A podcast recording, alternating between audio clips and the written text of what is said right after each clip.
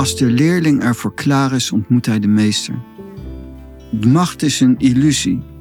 Het moment dat iemand serieus en niet rationeel serieus, maar in de diepte werkelijk, werkelijk geïnteresseerd raakt in God, gaat hij ook alle medewerking krijgen van God. En als je echt geïnteresseerd bent en dus puur technisch zijn dat vaak ook dikwijls helle wezens van mensen. Het komt ook die mensen wel goed uit om te zeggen: daar ga ik dan niet in, omdat het zo moeilijk is. Het is zo confronterend, het is zo heftig om het licht van gewaarzijn aan te zetten.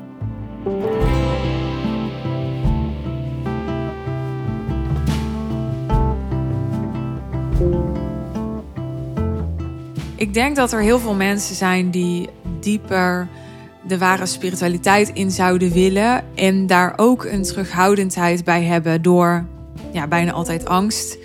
En die angst die kan natuurlijk vele oorzaken hebben, maar wordt denk ik in veel gevallen ook gevoed door het spiritueel misbruik dat er is. Dus alles wat je doet, en dat geldt ook voor de ware spiritualiteit aangaan in het leven of ingaan, brengt risico's met zich mee.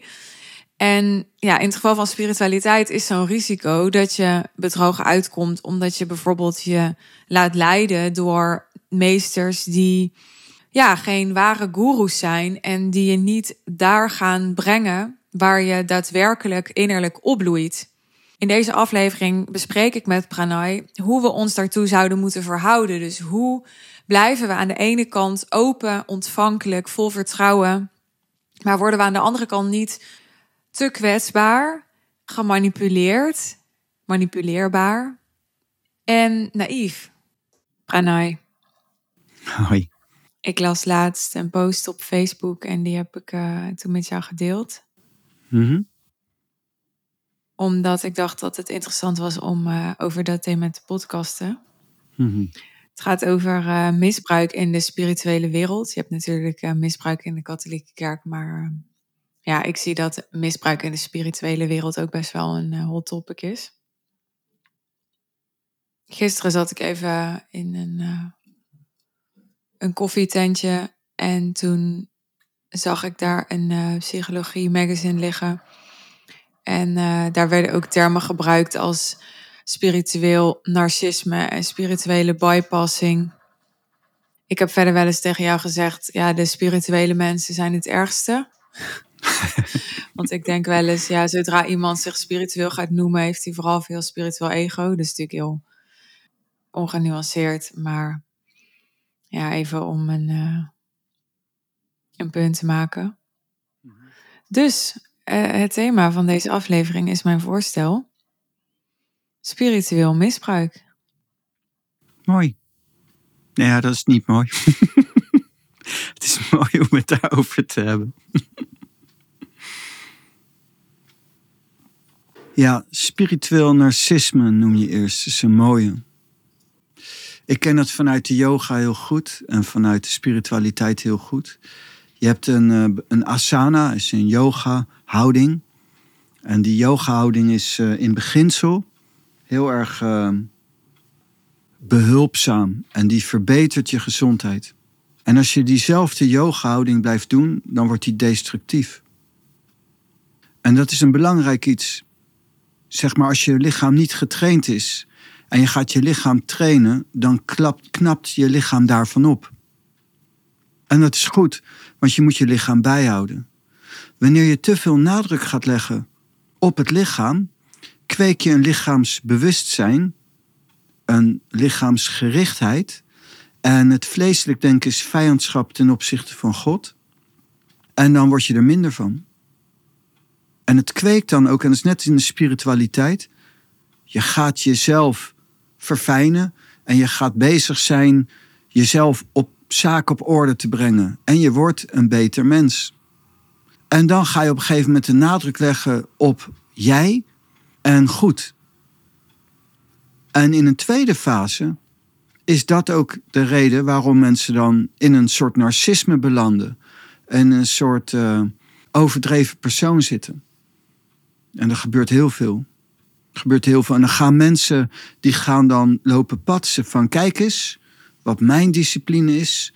Kijk eens hoe goed ik ben en hoe ver ik ben. En dat is allemaal onzin. Het is allemaal onzin. Het is een klein stukje.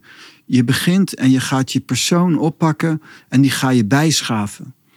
Totdat je persoon andere mensen niet hopeloos tot last is. En dan kun je gewoon als hobby een beetje je persoon meenemen. Maar het draait niet om je persoon. Verlichting is ehm, eh, niet een. Heel veel mensen vragen dan of zeggen: Ben jij verlicht? Maar wie? Wie moet er verlicht zijn? Jij? Uh, nee, technisch gezien is verlichting een toestand van voorbije persoon. En mensen zoeken het in een persoon en dan gaan ze dat ook laten zien. En dat is moeilijk. Moeilijk om dat evenwicht te bewaren van een dramatische expressie, maar dan niet koppelen aan je persoon. Er is maar één iemand die de moeite is om te vereren. En dat is God zelf. En voor de rest, ik zelf bijvoorbeeld noem mezelf gewoon een simpele beoefenaar. Ben niet de moeite waard van vereren. Het is godslastering als je dat zou doen. Het is, um, als je iemand wilt eren, dat, dan zou je God moeten eren. En het draait niet om mij en het draait niet om jou, maar het draait eerder om wij. En daar is niet een eh, concurrentie in mogelijk, behalve dat je van God kan genieten. De vrouw die die uh, post schreef over seksueel, seksueel misbruik, zeg ik kan ook onderdeel ervan zijn, maar spiritueel misbruik. Mm -hmm. Ja. In die uh, post schreef die vrouw: Het heeft even geduurd voor ik mezelf weer volledig kon vertrouwen en voordat ik weer helder naar de spirituele keuzes kon kijken en mezelf kon vertrouwen in de keuzes die ik maak. Mm -hmm. Ik herken dat van. Uh, ja, van mijn eigen wereld, om het zo maar te zeggen, van business coaching. Dat mensen die dan één, twee business coaches hebben gehad en die hebben daar dan geen goede ervaringen mee. Die, eh, die gaan dat dan ja, afzweren of zich daar tegen afzetten. Mm-hmm. En dat, ja, dat, um, dat begrijp ik eigenlijk niet zo goed. Nee dat, dat begrijp ik weer wel. Dan zweren het af. Ja, kijk, je hebt. Um, je kan niet het kind met het badwater weggooien. Je hebt veel mensen die maken misbruik in, in, van spiritualiteit. Het is een hele moeilijke materie. Je moet uh, vertrouwen hebben. Je moet je overgeven aan uh, God. Je moet je overgeven aan een leraar die je begeleidt. Je moet ontvankelijk zijn eh, voor een leraar. En um, Lao Tse zegt bijvoorbeeld, je moet je meester hoog hebben zitten. En je meester hoog zitten, hebben zitten, daar wordt dan zo'n misbruik van gemaakt um, door, door secteleiders, door, door mensen die niet bevoegd zijn om een leraar te zijn. Een guru is ook, uh, iedereen noemt zichzelf tegenwoordig maar guru. En het wordt heel gemakkelijk genoemd. Oh, dat is de guru van een of ander segment, marktsegment of zo. Dat is um, onwetendheid. Een, het kenmerk van een guru is dat hij ook um, bevrijd is. Het licht van het helder gewaarzijn heeft. En al ben je goed in je vak, ben je niet per se een guru een guru is een, er hoort ook bij de definitie van guru hoort ook bij dat hij ontwaakt is. En daarom uh, ben ik bijvoorbeeld voor mij zeg van als iemand geïnspireerd raakt door mij, ik kan je heel erg begeleiden. Heel ver, ik kan je heel veel helpen. Maar als we gaan naar verering, je kunt mij niet vereren. Het moment dat je echt wakker wordt, adviseer ik je naar bijvoorbeeld de Tao Te Ching te gaan, in mijn geval. Naar Tse, de grote uit de Taoïstische wereld, Litsi.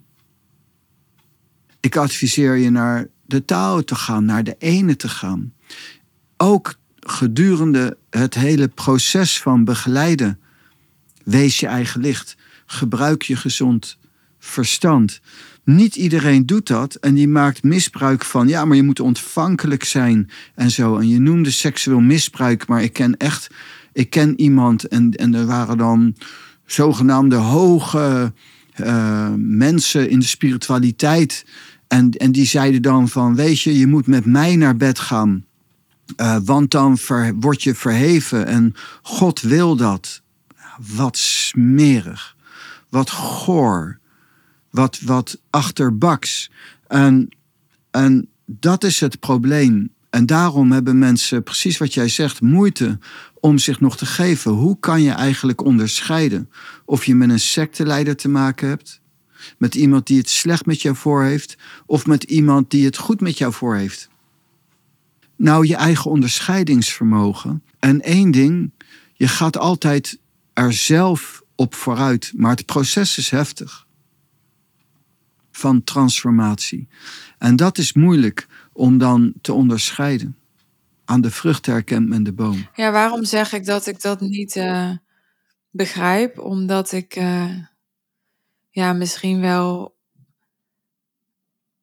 ja, gewoon niet kan leven met het idee dat er niet mensen zijn, leiders zijn die we kunnen vertrouwen en volgen.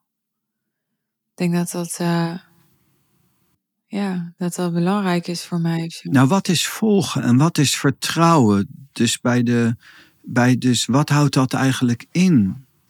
Volgen en vertrouwen. Dus, dus bij veel mensen die, die bijvoorbeeld die zo schrijven: ja, ik heb moeite om mensen te vertrouwen. Ja, maar als je iemand anders op iemand anders gaat vertrouwen, moet je niet je eigen gezond verstand inleveren. Je moet jezelf niet weggeven. Receptivity, overgave, is niet ik geef mezelf weg aan iemand anders.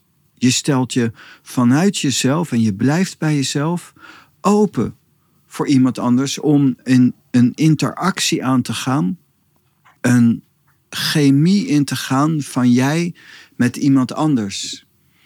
En, maar je gaat niet bij jezelf weg. Je geeft jezelf niet weg. Overgave is niet ik geef mezelf over aan jij, aan jou en jij bepaalt maar met mij wat jij doet. Wat jij doet met mij. Nee, nee, dat is, dat is stompzinnig, krankzinnig.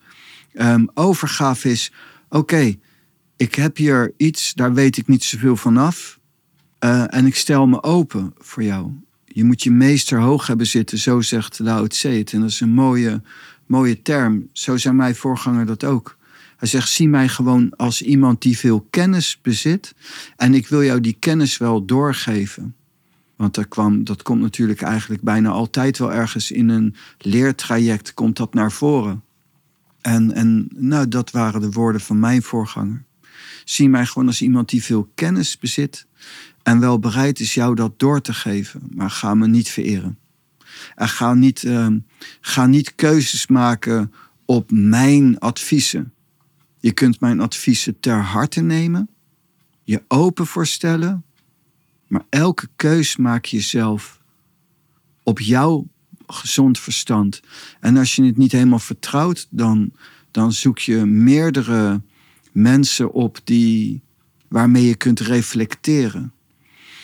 Maar je gaat nooit blind op het advies van iemand anders. Je, je leeft volgens je eigen hart. En als iemand gaat zeggen, nee, die moet je vergeten, dan moet je heel hard wegrennen. En als iemand zegt, nee, je moet zelf niet denken, ik denk wel voor jou, ren weg. En als iemand jou oneervolle voorstellen gaat doen, ren weg. En, en dat is uh, het verhaal. Ja, maar ja, goed, oneervol is natuurlijk super subjectief en relatief. Nou, dat is weer iets anders natuurlijk in het verhaal van misbruik en dan hoor je soms wel eens, een, ik, weet niet meer hoe die man heette, een, een groot, een ja, ik vind hem niet een groot yogi, maar een bekende yogi en, uh, in, de, in de hatha yoga. En dan komt opeens naar voren dat hij seks heeft met heel veel verschillende vrouwen. En dan zijn er meerdere vrouwen die zijn dan boos op hem. Ik kan daar niks over zeggen, want ik heb me daar niet in verdiept. Maar ik realiseer me dat ook wel is gebeurd. Dat die vrouwen dat zelf eigenlijk ook wel leuk vinden en spannend vinden. En er dan achter komen misschien dat hij um, niet alleen met haar wilt of zo. En dat ze dan boos zijn en dat ze dan weet ik veel wat gaat brengen. Ook daarbij zit je, heeft het altijd, niet altijd trouwens, twee kanten. Kan het, kan het twee kanten hebben en moet je voorzichtig zijn ook in uh, slechte verhalen. Zeg maar, dat gaat beide kanten op. Maar het is veel gemakkelijker um, om. Je hebt gewoon, je moet bij jezelf blijven. Ook als je je overgeeft, moet je bij jezelf blijven. En, en dan, dan komt het wel goed. Maar je moet wel je meester hoog hebben zitten. Maar... In Psychologie Magazine, uh, in Psychologie Magazine stond... Yoga, meditatie en mindfulness zijn bedoeld voor innerlijke groei. Maar uit onderzoek blijkt dat het vaak vooral het ego is dat groeit. Ja, dat is bij de meesten zo. Dat is ook zo. Dat is mijn, mijn aanvang. Ja, dat herken ik wel echt. Dat, uh, ja. Dat is waarom ik zei, als mensen zich spiritueel noemen, dan, uh, ja, dan uh, ben ik wel altijd extra alert of zo. Dat is misschien ook niet terecht hoor. Dat is misschien ook, uh, ja, weer mijn wond of zo. Maar laat ik het zo zeggen. De meeste mensen die ik ben tegengekomen, ik zei laatst tegen jou. Het valt mij op dat heel vaak mensen die zich spiritueel noemen, minder spiritueel zijn dan de mensen die zich niet spiritueel noemen. Ik werd laatst geïnterviewd door iemand die had naar onze podcast geluisterd. En die zei tegen mij aan het begin van het interview: zei, Luister, ik heb naar je podcast geluisterd. Ik snap er helemaal niks van. Ik heb helemaal niks met spiritualiteit. Maar ja, vertel eens, hoe zit het nou? Weet? En toen zei ik tegen jou, ik zei, ja, maar dat vind ik eigenlijk heel spiritueel. Terwijl de mensen die zich spiritueel noemen, die zeggen heel vaak, oh ja, nee, ja, nee, dat heb ik ook en dat kan ik ook en dat weet ik ook, want ik heb dit en dit en dit gedaan. Dan komt er een heel lijstje met allemaal dingen die ze wel niet hebben ervaren en bereikt en zo. En, uh, ja, en dan denk ik van, ja, uh, dit is natuurlijk maar gewoon een klein stukje wat ik dan van iemand zie. Maar hoe spiritueel is dit? Ja, en in de, in, in de basis begrijp ik wat je zegt. Maar in de basis is het voor mij is het wezenlijke spirituele, eh, de innerlijke vrede in mezelf en het niet oordelen naar beiden. En dus ook de, men, de mensen mogen gewoon zijn zoals ze zijn. En dat is niet aan mij. Aan mij is het om uh, met aandacht in dit moment te zijn en uh, de innerlijke vrede te ervaren en de innigheid met mij en God.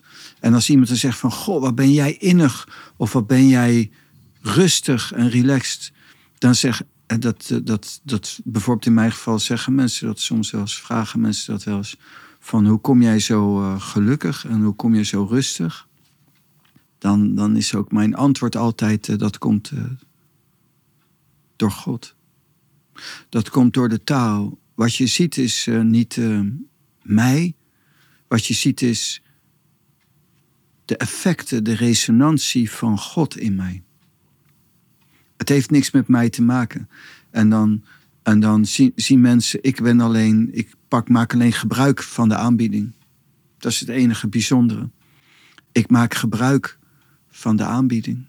Het is zo chill. En het is ook niet zo dat ik daarmee wil of kan patsen. Uh, want het is niet van mij. Het is van God. En wat, het enige wat is, sowieso al als je al beter wilt zijn of daar druk op hebt, is raar. Want ik zie het meer als een, uh, bijvoorbeeld een, goed stuk muziek. Of een goede wijn. Of een goede film. Uh, ja, ik in ieder geval zou liever met iemand anders van die wijn genieten. Zou met iemand anders liever naar die goede film kijken. En zeggen van, die film was goed hè. En wat zoek, je, wat zoek je dan? Wat zoek ik dan? Gelijkgestemden die, zeg, die ook die film kunnen waarderen. En ik, dus er is, geen, er is geen concurrentie in de spiritualiteit. Er is gewoon God en er is maar één God. En, en macht is een illusie. Uh, doordat je met God bent, krijg je als persoon meer macht op een bepaalde manier. Maar macht is een illusie. God is almachtig, niet ik. En, en ik wil dat juist delen. En ik zou wensen dat iedereen God leert kennen en daarvan geniet. En als dan, maar we gaan niet zitten zo, dat, dat, doet, dat doet niemand, lijkt mij. Na, na van mij een film samen gekeken te hebben, dat ik zeg: hey, zus, wie van ons twee zou eigenlijk nou het meest genoten hebben van deze film? Het is zo gestort. Als je dan zoiets zegt. Ja, maar volgens mij genoot jij iets meer en genoot ik iets minder. Dus dan ben ik eigenlijk minder dan jij. en, en, dat is dan, uh, dat is dan uh, comparison. en vergelijk met van wie is er verder. maar er is bij mij niet een verder of een niet verder. Er is gewoon God en er is, niet, er is een God en that's it. En die is één en, en die kun je ontdekken. En dan kun je inderdaad in verdiepen. Um, maar dat is niet dat je dan beter bent. het is gewoon God. Nee, maar je zegt wel, je kan wel meer of minder persoonlijke macht hebben, bijvoorbeeld. Klopt. En dat is hetzelfde als wat ik zeg. Uh, en je kunt ook meer en minder genieten van God. En sommige en iedereen, mensen genieten natuurlijk ook op hun eigen manier uh, van God. En er zit verschil in. Er zit verschil in. En, en er zit ook verschil in qua diepte. Sommige mensen kennen God amper en sommige mensen gaan een klooster in omdat ze zo innig met God zijn. Maar een ander gaat zeg maar zo innig met God juist een relatie aan. En dus dat, daar kun je niet alles uithalen. Maar er zit veel verschilniveau in, zeker in persoonlijke macht. Maar persoonlijke macht is maar een spelletje. En macht is een illusie. En zodra, zo mijn voorganger zei tegen mij, luister jij, uh, aan het begin van mijn leertijd had ik uh, ook wel een beetje hoogmoed. Ik denk dat iedereen dat ergens zo een bepaald moment heeft. Toen zei hij van ja, er gebeurt binnenkort wat. En uh, zei van ja, en dan, en dan schiet je opeens heel erg vooruit. Dan ben je heel veel verder in de leer. Hij zegt maar, pas op, pas op als je hoogmoedig wordt, dan, dan, dan pak ik je. En, en niet uh, pak, pak ik je, dan gaat hij me doodmaken of zo. Maar dan, hij waarschuwde me zo vriendschappelijk van... Uh, ja, dan ga ik wel voor zorgen dat je je hoogmoed ook weer kwijtraakt. En dat, uh, dat was in dit geval bij mij voldoende. In de zin, uh, ik, hij kwam mij serieus over en ik stelde me open voor hem. En ik ging daar naar kijken in mezelf en onderzoeken. En, en toen kwam ik inderdaad wel achter dat ik inderdaad ook dan, dan natuurlijk, want je gaat groeit en je krijgt uh, meer charisma en je innerlijke vrede neemt toe. En, en, en er is een bepaalde macht die neemt toe. En dan ga je jezelf, dan ja, ga je jezelf als het ware verheven voelen. Even. En, um, en dat, uh, ja, daar moet je gewoon voor waken. En maar het mooie is, als je echt geïnteresseerd bent in de vrede, zodra je in dat narcistisch gebeuren komt, dan wordt de vrede minder. En dus, dus dat is maar tijdelijk. Je, je zegt van, oh, ik ben, uh, ik ben goed, ik ben goed, ik ben goed. En dan gaat alles minder. Nederig van zijn. Ja, maar het is niet bij iedereen tijdelijk, toch? Er zijn natuurlijk mensen die gewoon uh, hun hele leven in narcisme zitten. Nou ja, ja, dat is waar. En, en, maar ja, niet iedereen bereikt ook God. En zeker niet in één leven. En daar heb ik ook niet zoveel over te zeggen. Van dat, dat is zo. Nou ja, dat, dat is zo. En, en ja, wanneer het de juiste tijd is, komen ze waarschijnlijk wel tot het inzicht. Maar ik ben, er, ik ben hier niet om te oordelen. Ja, ga je er niet boos over maken? Ik ga me er sowieso. Nee, als er iets gebeurt, dan komt er compassie vrij. Ik ga me er sowieso niet boos over maken. Maar hoe zit dat dan met. Uh, je zei ook een keer van. dat de Dalai Lama ook uh, geïrriteerd kan zijn. omdat er zoveel leed is in de wereld. Dus het is niet zo dat als je spiritueel bent. dat je nooit meer boos hoeft te worden, toch? Nee, we hebben het over dit onderwerp. Dit is juist wat je nu aanhaalt, is het segment van waarom je dan ook zelf nederig blijft. Je weet zelf ook donders goed dat je gewoon mens bent. En af en toe gewoon menselijke uh, sensaties ervaart, zoals inderdaad bijvoorbeeld een boosheid. Ehm, of eh, wat dan ook. Dus niets menselijks is, eh, is mij vreemd, zeg maar. En eh, ik ga er anders mee overweg. De beherende reeks. Ik ben bestendiger. Maar zelf weet ik natuurlijk heel goed dat ik hetzelfde heb als ieder ander. En dus voel ik me ook niet meer. En dat is, eh, heeft een Dalai Lama ook soms. Ja. Het ging ook in dat artikel over eh, spirituele bypass. Dus over spirituele technieken gebruiken om mentale pijn te vermijden. Ja, dat zie ik heel veel. En eh, in het artikel staat, ja, in het artikel staat, mensen geloven dat ze spiritueel bevrijd zijn, terwijl ze in werkelijkheid slechts spirituele technieken gebruiken om hun ego te voeden of onprettige gevoelens te vermijden. Ze maken de danspasjes zonder echt van binnen te dansen. Ja, dat zie ik heel veel. Ehm, mediteren om je gevoel kwijt te raken. Ehm, Ja, En dan denk je van, nou, dit is lastig. En dan ga ik wel door met mijn sadhana, met mijn spirituele oefening, met mijn meditatie. En dan ben ik daar op een gegeven moment vanaf. Maar dat kan niet. Dat, dat is niet mogelijk. Je moet analytisch mediteren. En eh, meditatie is juist die pijnpunten durven te zien, durven aan te gaan. Juist de kunst om dat durven te zien. En er is moed voor nodig om het licht van bewustzijn in jezelf aan te steken. Door middel van bijvoorbeeld meditatie.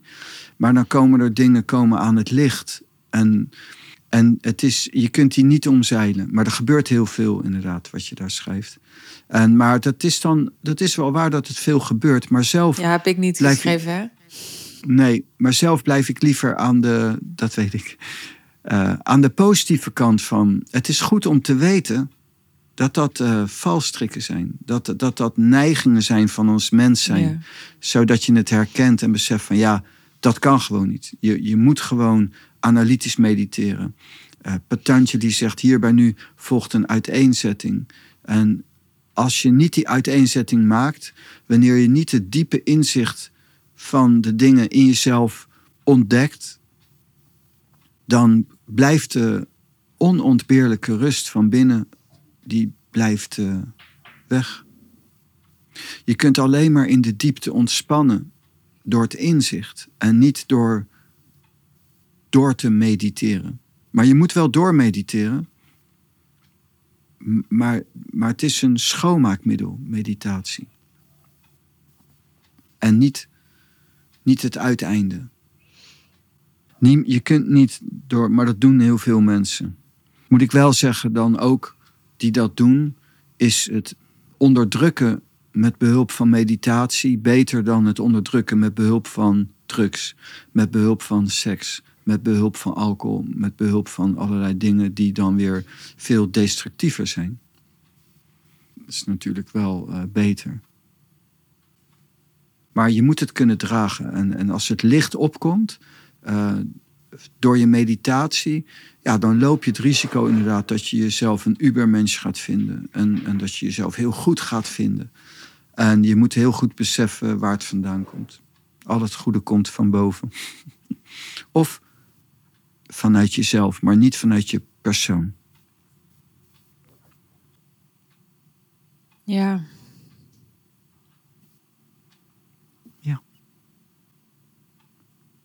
Waar, waar denk je aan precies? Ik heb even een, ehm, n- ja, ik heb een eh, artikel erbij gepakt eh, Mm. over eh Bentinho Massaro. Maar ik was even aan het twijfelen of dat ik dan zijn naam zou noemen.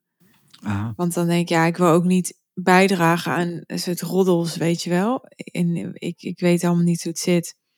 nee. Maar ehm, ja, Bentinho Massaro is een... eh, ja, in het artikel noemen ze hem een self-proclaimed spiritual teacher. Oké, ik heb hem nooit van En ehm, Nooit in verdiept. nee, I know.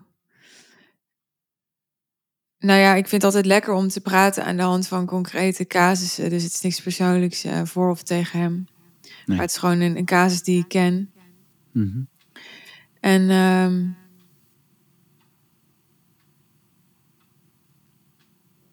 Ja, een van die um, vrouwen zegt... Over the course of the years, it became increasingly and eventually blaringly obvious that Bentinho Massaro's intention is to not actually help the planet or others, but it is to use his mission or organization to get what he wants, which is only women, money and power. En de vraag die ik hierover wil stellen aan jou is eigenlijk vooral. Mensen lezen dit soort artikelen en zou je dan ja, op basis van dit soort verhalen extra voorzichtig moeten zijn? Zou je dan niet moeten inlaten met zo'n persoon? Hoe kun je checken of dat dit klopt? Um, is het misschien juist ook een positief teken? Want je zou ook kunnen zeggen hè, um, dat, ja, dat het er ook bij hoort dat als iemand echt uh, daadwerkelijk uh, ja, patronen en conditioneringen doorbreekt, dat hij dan gewoon veel kritiek en weerstand krijgt. Uh, wat jij net al zei, dat is ook ja, wat ik ook veel heb gezien, dat ik denk, ja, het is altijd makkelijk om. Ik zeg niet dat, dat deze vrouwen geen slachtoffer zijn, maar ik zie ook dat het wel je makkelijk wordt gemaakt tegenwoordig om je als slachtoffer op te stellen en te zeggen van hij is groot, eh, ik ben klein, dat is niet eerlijk. Weet je een soort Calimero uh, vind ik dat. Calimero-effect. Dus hoe serieus moet je dit soort berichten nemen? Hè? Zou dit voor mij dan een, een reden moeten zijn om te zeggen, nou, ik ga bijvoorbeeld niet meer naar, naar de content kijken van die uh, Massaro? Massaro noem je hem. Massaro, schrijf ik even op. Ja, dat is de achternaam, geloof ik. Oké. Okay. Um, nou, ik denk dat inderdaad het tweeledig is. Um, er zijn veel dwaalleraren en het is zo dat uh, je daar heel voorzichtig mee moet omgaan. En wat ik zelf heb van inderdaad, mensen hebben heel snel in deze tijd een oordeel.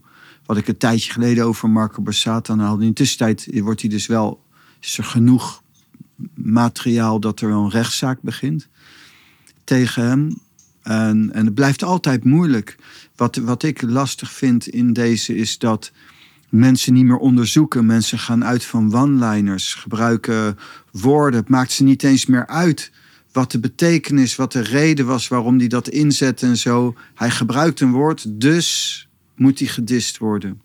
Ik denk dat. Uh, ik, zou, ik ken hem niet, ik, ken, ik herken zijn naam van jou, maar... Maar dat is natuurlijk in dit verhaal wel iets anders. In, in dit verhaal, oké, okay, uh, is het wel zo dat je wel nou, Deze goed... vrouwen zeggen natuurlijk niet van hij, hij, uh, hij gebruikt een verkeerd woord. Ze zeggen van hij is alleen maar uit op uh, vrouwen, geld en macht. Ja, uh, nou ja, dus, maar dat is, het antwoord blijft hetzelfde. Daar was ik naartoe aan het gaan. Van dat eigenlijk je het pas kan weten als je je dieper onderzocht hebt. En dus het is, mensen hebben heel snel een mening en heel snel een, een, nemen ze dat over. Ik, ik zou niks kunnen zeggen. Uh, ik weet niet eens hoe die eruit ziet. Ik weet helemaal niks van die man. En dus omdat ik er niks van af weet, blijf ik in een neutrale mode staan. Ik weet niet of het waar is. Ik weet niet of het niet waar is. En, en, maar het is voorbij dat. Zolang het niet bewezen is, zal ik niet gelijk aannemen dat het waar is. Maar als je geïnteresseerd bent, dan is het heel gemakkelijk. Je, je kunt je dus, waarschijnlijk staat hij op social media ergens of zo. Je kunt je in hem verdiepen. En je kunt dan het hanteren. En um, Boeddha zei: de waarheid is dat wat werkt. En als jij daar, als jij allemaal goede dingen hoort en jij neemt dat op en je kunt daar gelukkiger mee zijn, dan is het goed. Het moment dat die man naar jou toe komt en zegt: Heb je zin om met mij te zoenen? Of om seks te hebben of iets, dan zijn die vrouwen daar zelf bij. En als die vrouwen ja zeggen uh, en daarna bedonderd zijn, dan is dat anders dan als die zegt dat hij ze manipuleert om in bed te krijgen. Of zijn macht gebruikt om ze in bed te krijgen en dat het een daarom draait. Maar die lijn is natuurlijk heel dun. Ja en nee, in de intentie van zijn niet. En in intentie van zijn is het toch in de diepte, als jij zeg maar als persoon dwangmatig veel seks moet hebben, dan ben je neurotisch. Dan is er in die diepte geen rust, is er geen ontspanning. En dat kan je terug horen als die spreekt. Het is niet mogelijk om een, een acteur kan nooit een guru, een, een, een boeddha nadoen. Ja, dat kunnen ze doen. Maar in de diepte is het anders. En op het begin kan je dat, als een acteur goed is, niet herkennen. Maar ik moet bij deze denken aan wat uh, de Dalai Lama ook een keer zei.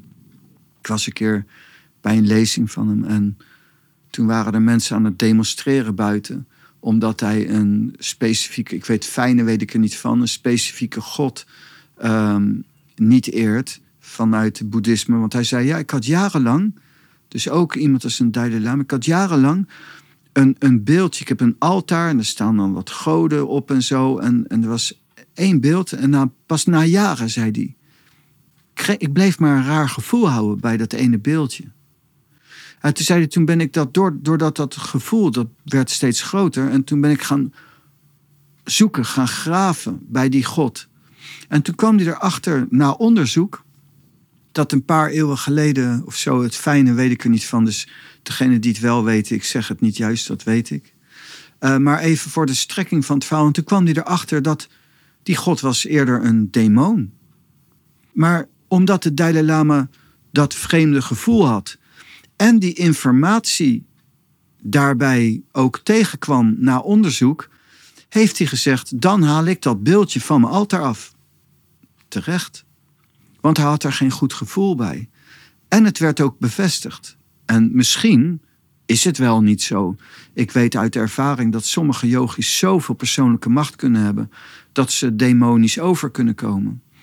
En dat macht zelf, want dat, want dat is eigenlijk het centrale thema ergens waar we het over hebben, macht zelf lastig is om te pakken.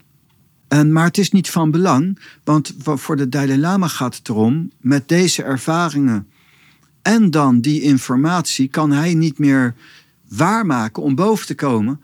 En, en voor zichzelf kan hij, voor zijn hart kan hij niet meer waarmaken om te zeggen van ja, ik had dat gevoel en ik kreeg die informatie, maar ik heb het negeerd. En dus ook al is het niet een demon, hij moet daar gewoon mee stoppen en heeft dat ook gedaan. En dan, dat is, uh, ja, Dat is, zo gaat dat. Dus als het voor jou niet goed voelt. Nou ja, waarom ik zei aan het begin. Mhm. Waarom ik zei aan het begin van deze aflevering van ik begrijp niet zo goed waarom mensen dan afzweren of zo. Dat is eigenlijk ook met het verhaal van Osho in mijn hoofd. Hè? Dat uh, jij zegt altijd, ja, Osho is de, uh, de meest verkeerd geïnterpreteerde guru ter wereld. Uit de vorige eeuw. Dus wat ik zie is dat mensen, het niet voor niks dat, nu wordt dan ook in zo'n magazine, wordt er aandacht besteed aan het spiritueel misbruik. En zo denk ik, nou ja, dat is natuurlijk belangrijk om mensen bewust te maken en zo. En dat je gewoon moet opletten.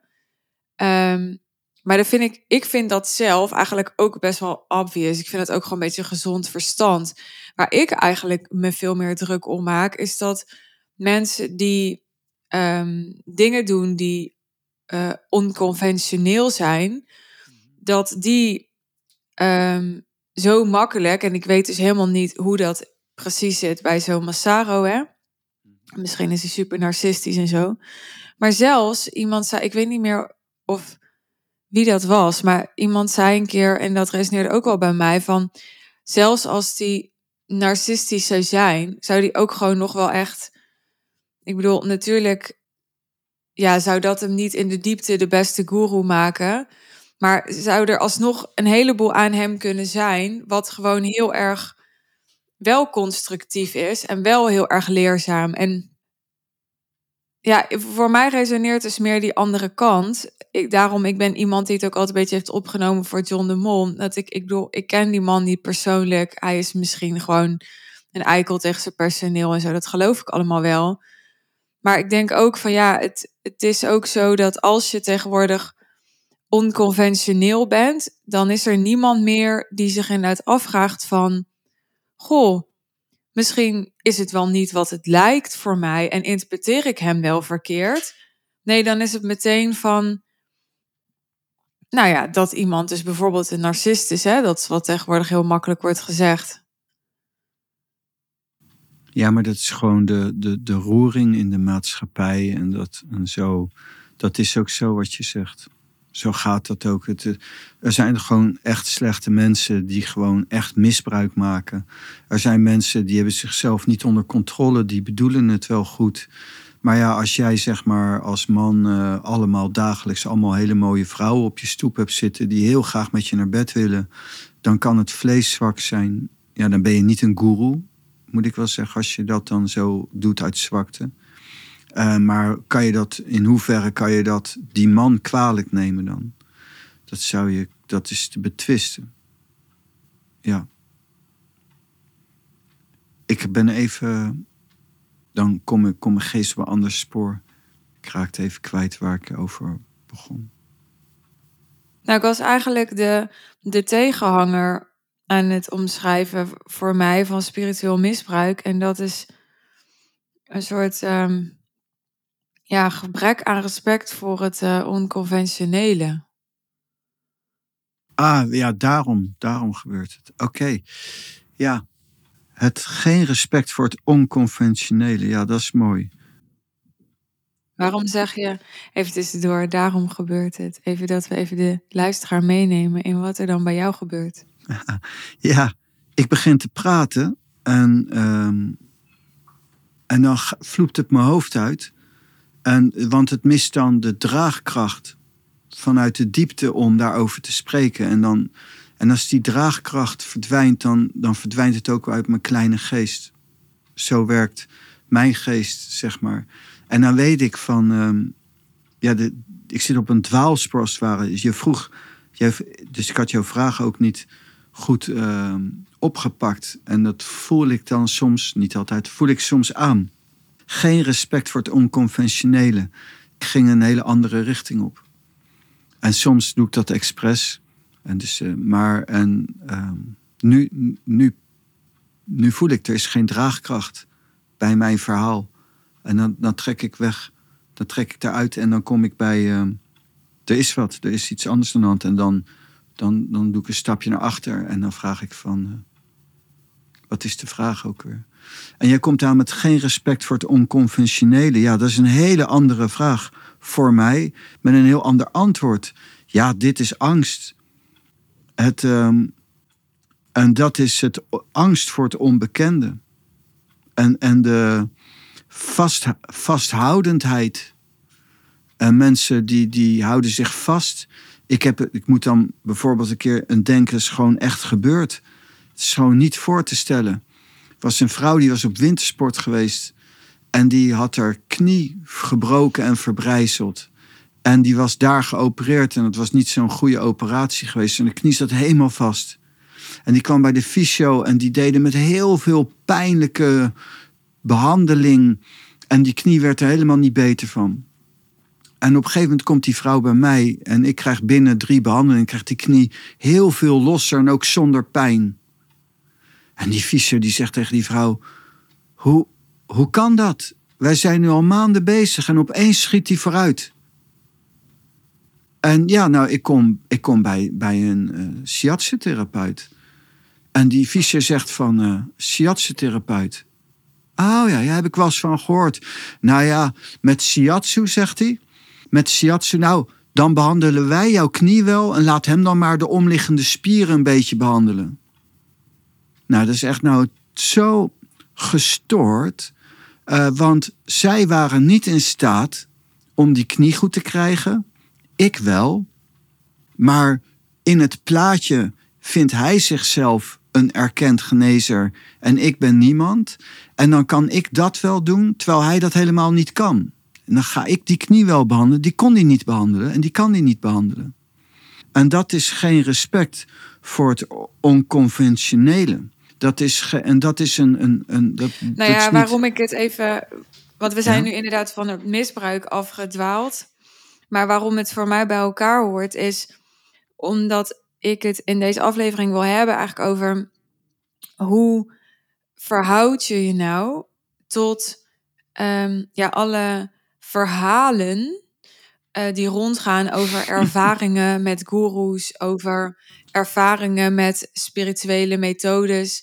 En dan zie ik dus dat er eigenlijk twee stromingen zijn. Zo bedoel ik het. Aan de ene kant de mhm. mensen die um, bang zijn voor misbruik, die, die daarmee dus niet meer zo ontvankelijk zijn, die heel veel weerstand hebben tegen je meester hoog hebben zitten, die ja, een, soort uh, autoriteitsprobleem misschien ervaren, die um, ja. Oké. Uh, nou ja, heel. Um, en aan de andere kant heb je dus een, een andere stroming, zeg maar, van mensen die, um, die waarschijnlijk juist uh, te naïef zijn, te weinig hun eigen hart volgen, uh, te weinig ook hun gezond verstand volgen, te makkelijk te manipuleren zijn en die daardoor in de problemen komen. En je wil natuurlijk, ja, eigenlijk allebei niet, toch, zou ik zeggen. En, en dat is wat ik wilde aanhalen. Laten we dan een stap eh, verder gaan. Hoe ga je om met verhalen van misbruik? Dan kunnen we onconventioneel, dan kunnen we allemaal geen respect en kunnen we uitlichten inderdaad. Maar de kern, als je dan dieper wilt, is gewoon rechtstreeks wilt, dat kan, is heel gemakkelijk. Als de leerling ervoor klaar is, ontmoet hij de meester. Macht is een illusie. Het moment dat iemand serieus en niet rationeel serieus, maar in de diepte werkelijk, werkelijk geïnteresseerd raakt in God, gaat hij ook alle medewerking krijgen van God. En als je echt geïnteresseerd bent en dus puur technisch zijn dat vaak ook dikwijls helle wezens van mensen. Het komt ook die mensen wel goed uit om te zeggen: daar ga ik dan niet in, omdat het zo moeilijk is. Het is zo confronterend, het is zo heftig om het licht van gewaarzijn aan te zetten. Dat is heel moeilijk. Maar iemand die echt in de diepte daarover uit is, die ontmoet de meeste. En die is ook beschermd. Ja, dus, dus dit is precies waar ik heen wilde. En wat ik eigenlijk wilde vragen, en ik deed waarschijnlijk te indirect. Maar zou het dus ook zo kunnen zijn dat die verhalen over een Massaro bijvoorbeeld komen mhm. omdat hij te confronterend is voor mensen, uh, waardoor mensen ja, eigenlijk gaan projecteren op hem. Ja, maar dat is weer in, in een bepaalde casus. Dat, dat, dat zou kunnen. Technisch zou dat kunnen. Ja, absoluut. Ja. Maar het is, ik durf bijna niet te zeggen, want als hij wel slachtoffers maakt, ik. Zijn, doe je daar die slachtoffers heel veel onrecht mee. En dat is de moeilijkheid. En anders, anders die Massaro. Ik heb geen idee. Ik, ik weet echt niet. Uh, maar wat wel mooi is, is dus dat je aan de vruchten de boom herkent. En dus je moet opbloeien. En als je niet opbloeit als totaliteit en als je allemaal dingen moet doen die je niet bevalt, je moet ook je oefening lief hebben, zegt Lao Tse. En dus als je je oefening niet lief hebt, ook al is het de juiste, dan moet je weg. En zoals Boeddha het zei, in deze is heel krachtig, heel kort, maar dekt de hele lading. De waarheid is dat. Maar ik weet van jou, kijk, jij. Ja, alleen um, jij bent iemand. Eh, ik bedoel, als, als je, je zou het misschien niet. Je zou niet in deze podcast een orde gaan vellen of zo. Maar ik weet, als ik jou een foto zou laten zien van iemand of een filmpje.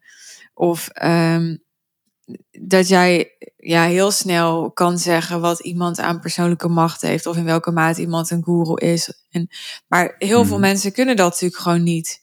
die kunnen dat gewoon niet zo makkelijk beoordelen. En dat is denk ik het probleem van dan, dan rollen ze ergens in vanuit ja, de beste intenties en vanuit een, uh, een, een honger naar ontwikkeling, naar bewustzijn, naar groei.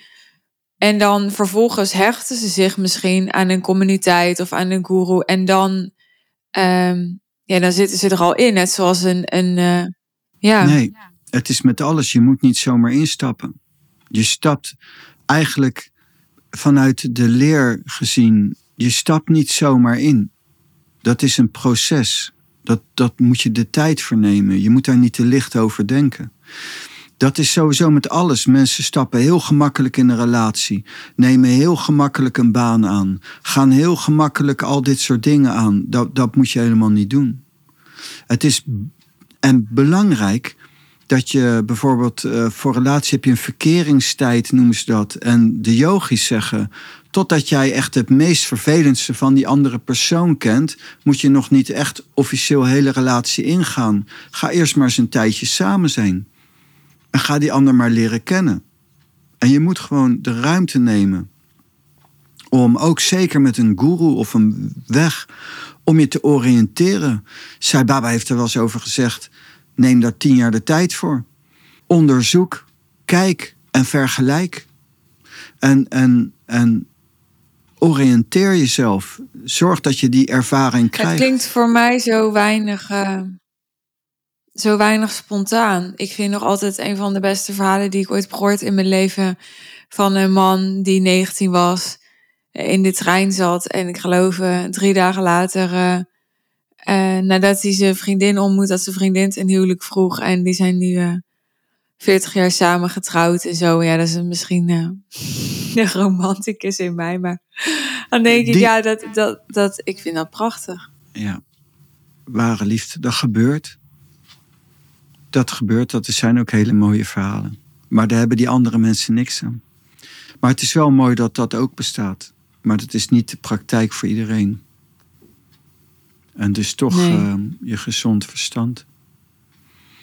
Je eigen gezond verstand. Je, je maakt keuzes. We weten het ook niet. We lopen altijd risico. Nou ja, weet je, je, je probeert ook maar wat. Je oprechtheid zal je helpen. Ja. Ja. Is er nog iets wat je tot slot uh, wilt delen over dit onderwerp? Het meest belangrijke is, de waarheid is dat wat werkt. Aan de vrucht herkent men de boom. En als de leerling echt klaar is, ontmoet hij de leraar. En dus die mensen zouden ook echt moeten kijken naar de diepere motieven ook. Van waarom stap je eigenlijk in? Waarom ga je een relatie aan? Waarom ga je een contract aan? Waarom ga je eigenlijk een, een, een pad in? Doe dat niet te licht, want je zit daar dan aan verbonden. Neem de tijd. En gebruik je gezond verstand. Maar je zegt, je zit daar dan aan verbonden, maar wat is dat dan dat je er niet zomaar uit kan? Hè? Is dat dan die hechting? Dus in het geval van bijvoorbeeld een, een spirituele gemeenschap of zo? Nou, je zegt je groeit ja, erin. Als het goed is, moet je gewoon op elk moment weg kunnen gaan, toch? Tuurlijk. Ja, maar gebeurt niet altijd. Dikwijls duurt dat jaren. Het kan ook altijd. Je kan elk moment, iedereen kan heel veel keren en wijzigen. Zo, zomaar. Dat moet je ook zeker onthouden.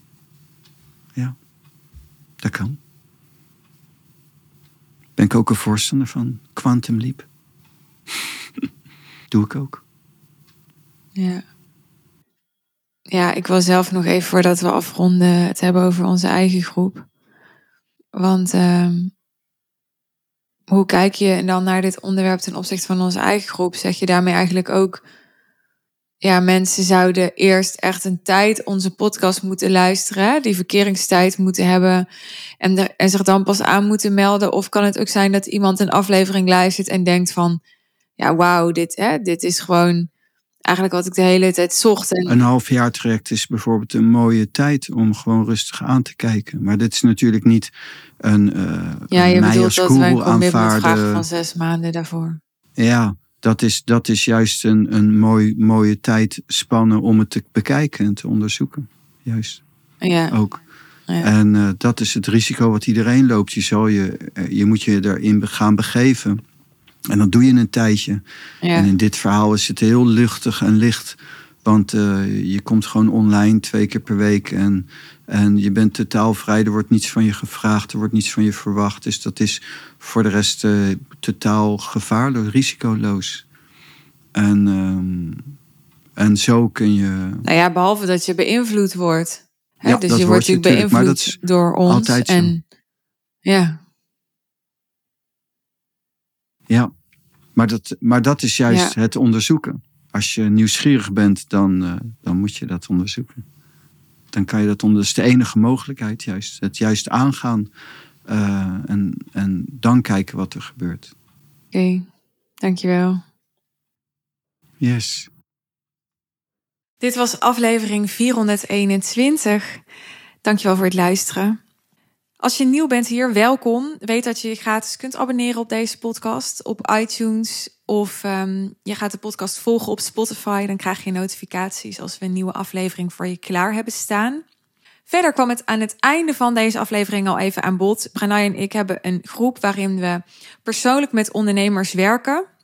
Om de thema's die we bespreken in deze podcast te integreren in hun leven. En uh, dat betekent dat we je in die groep helpen om um, diepere vormen en lagen van geluk, succes, vervulling en innerlijke vrede aan te boren. Het is heel erg gaaf, zoals uh, Pranay zou zeggen. En um, als dat iets is wat interessant is ook voor jou, dan um, wil ik je graag verwijzen naar aflevering 402 of aflevering 412 van deze podcast. Daar kun je er meer over horen. Als je zegt, nou, ik heb je er al een paar keer over gehoord en uh, dit is het moment, ik kom erbij en ik ga inderdaad, zoals Pranay zei, een tijdje met jullie verkeren. Dan uh, stuur je mij simpelweg een berichtje op social media of je mailt ons via hello@suzannevanschuik.nl. Je geeft aan dat je wil deelnemen aan de groep en um, ja, nadat je ook uh, financieel hebt gecommitteerd. Je investering is 500 euro ex-BTW per maand voor een termijn van dus minimaal zes maanden. Ben je erbij? We hebben geen sales page, we doen geen sales calls. Kwalificatie is echt dat jij uitreikt naar ons omdat jij het gevoel hebt dat dit nu passend voor je is en dat de timing voor je klopt en uh, ja, dat je om wat voor reden dan ook het wil meemaken en dat je ook uh, ja dat kleine commitment met ons aan wil gaan. Ik ben benieuwd als je tot hier geluisterd hebt, wat uit deze aflevering deed iets met jou? Of um, ja, misschien deed er helemaal niks iets met jou. Dat kan ook een reactie zijn. Als je wilt reflecteren op wat je hebt gehoord, we zijn altijd benieuwd naar um, ja, hoe je ervaart wat wij met je delen. Dus um, ook dan mag je van je laten horen. Nogmaals, hoe je contact met ons opneemt, vind je in de show notes. Ik wens je verder een mooie dag en graag tot de volgende aflevering. Bye bye.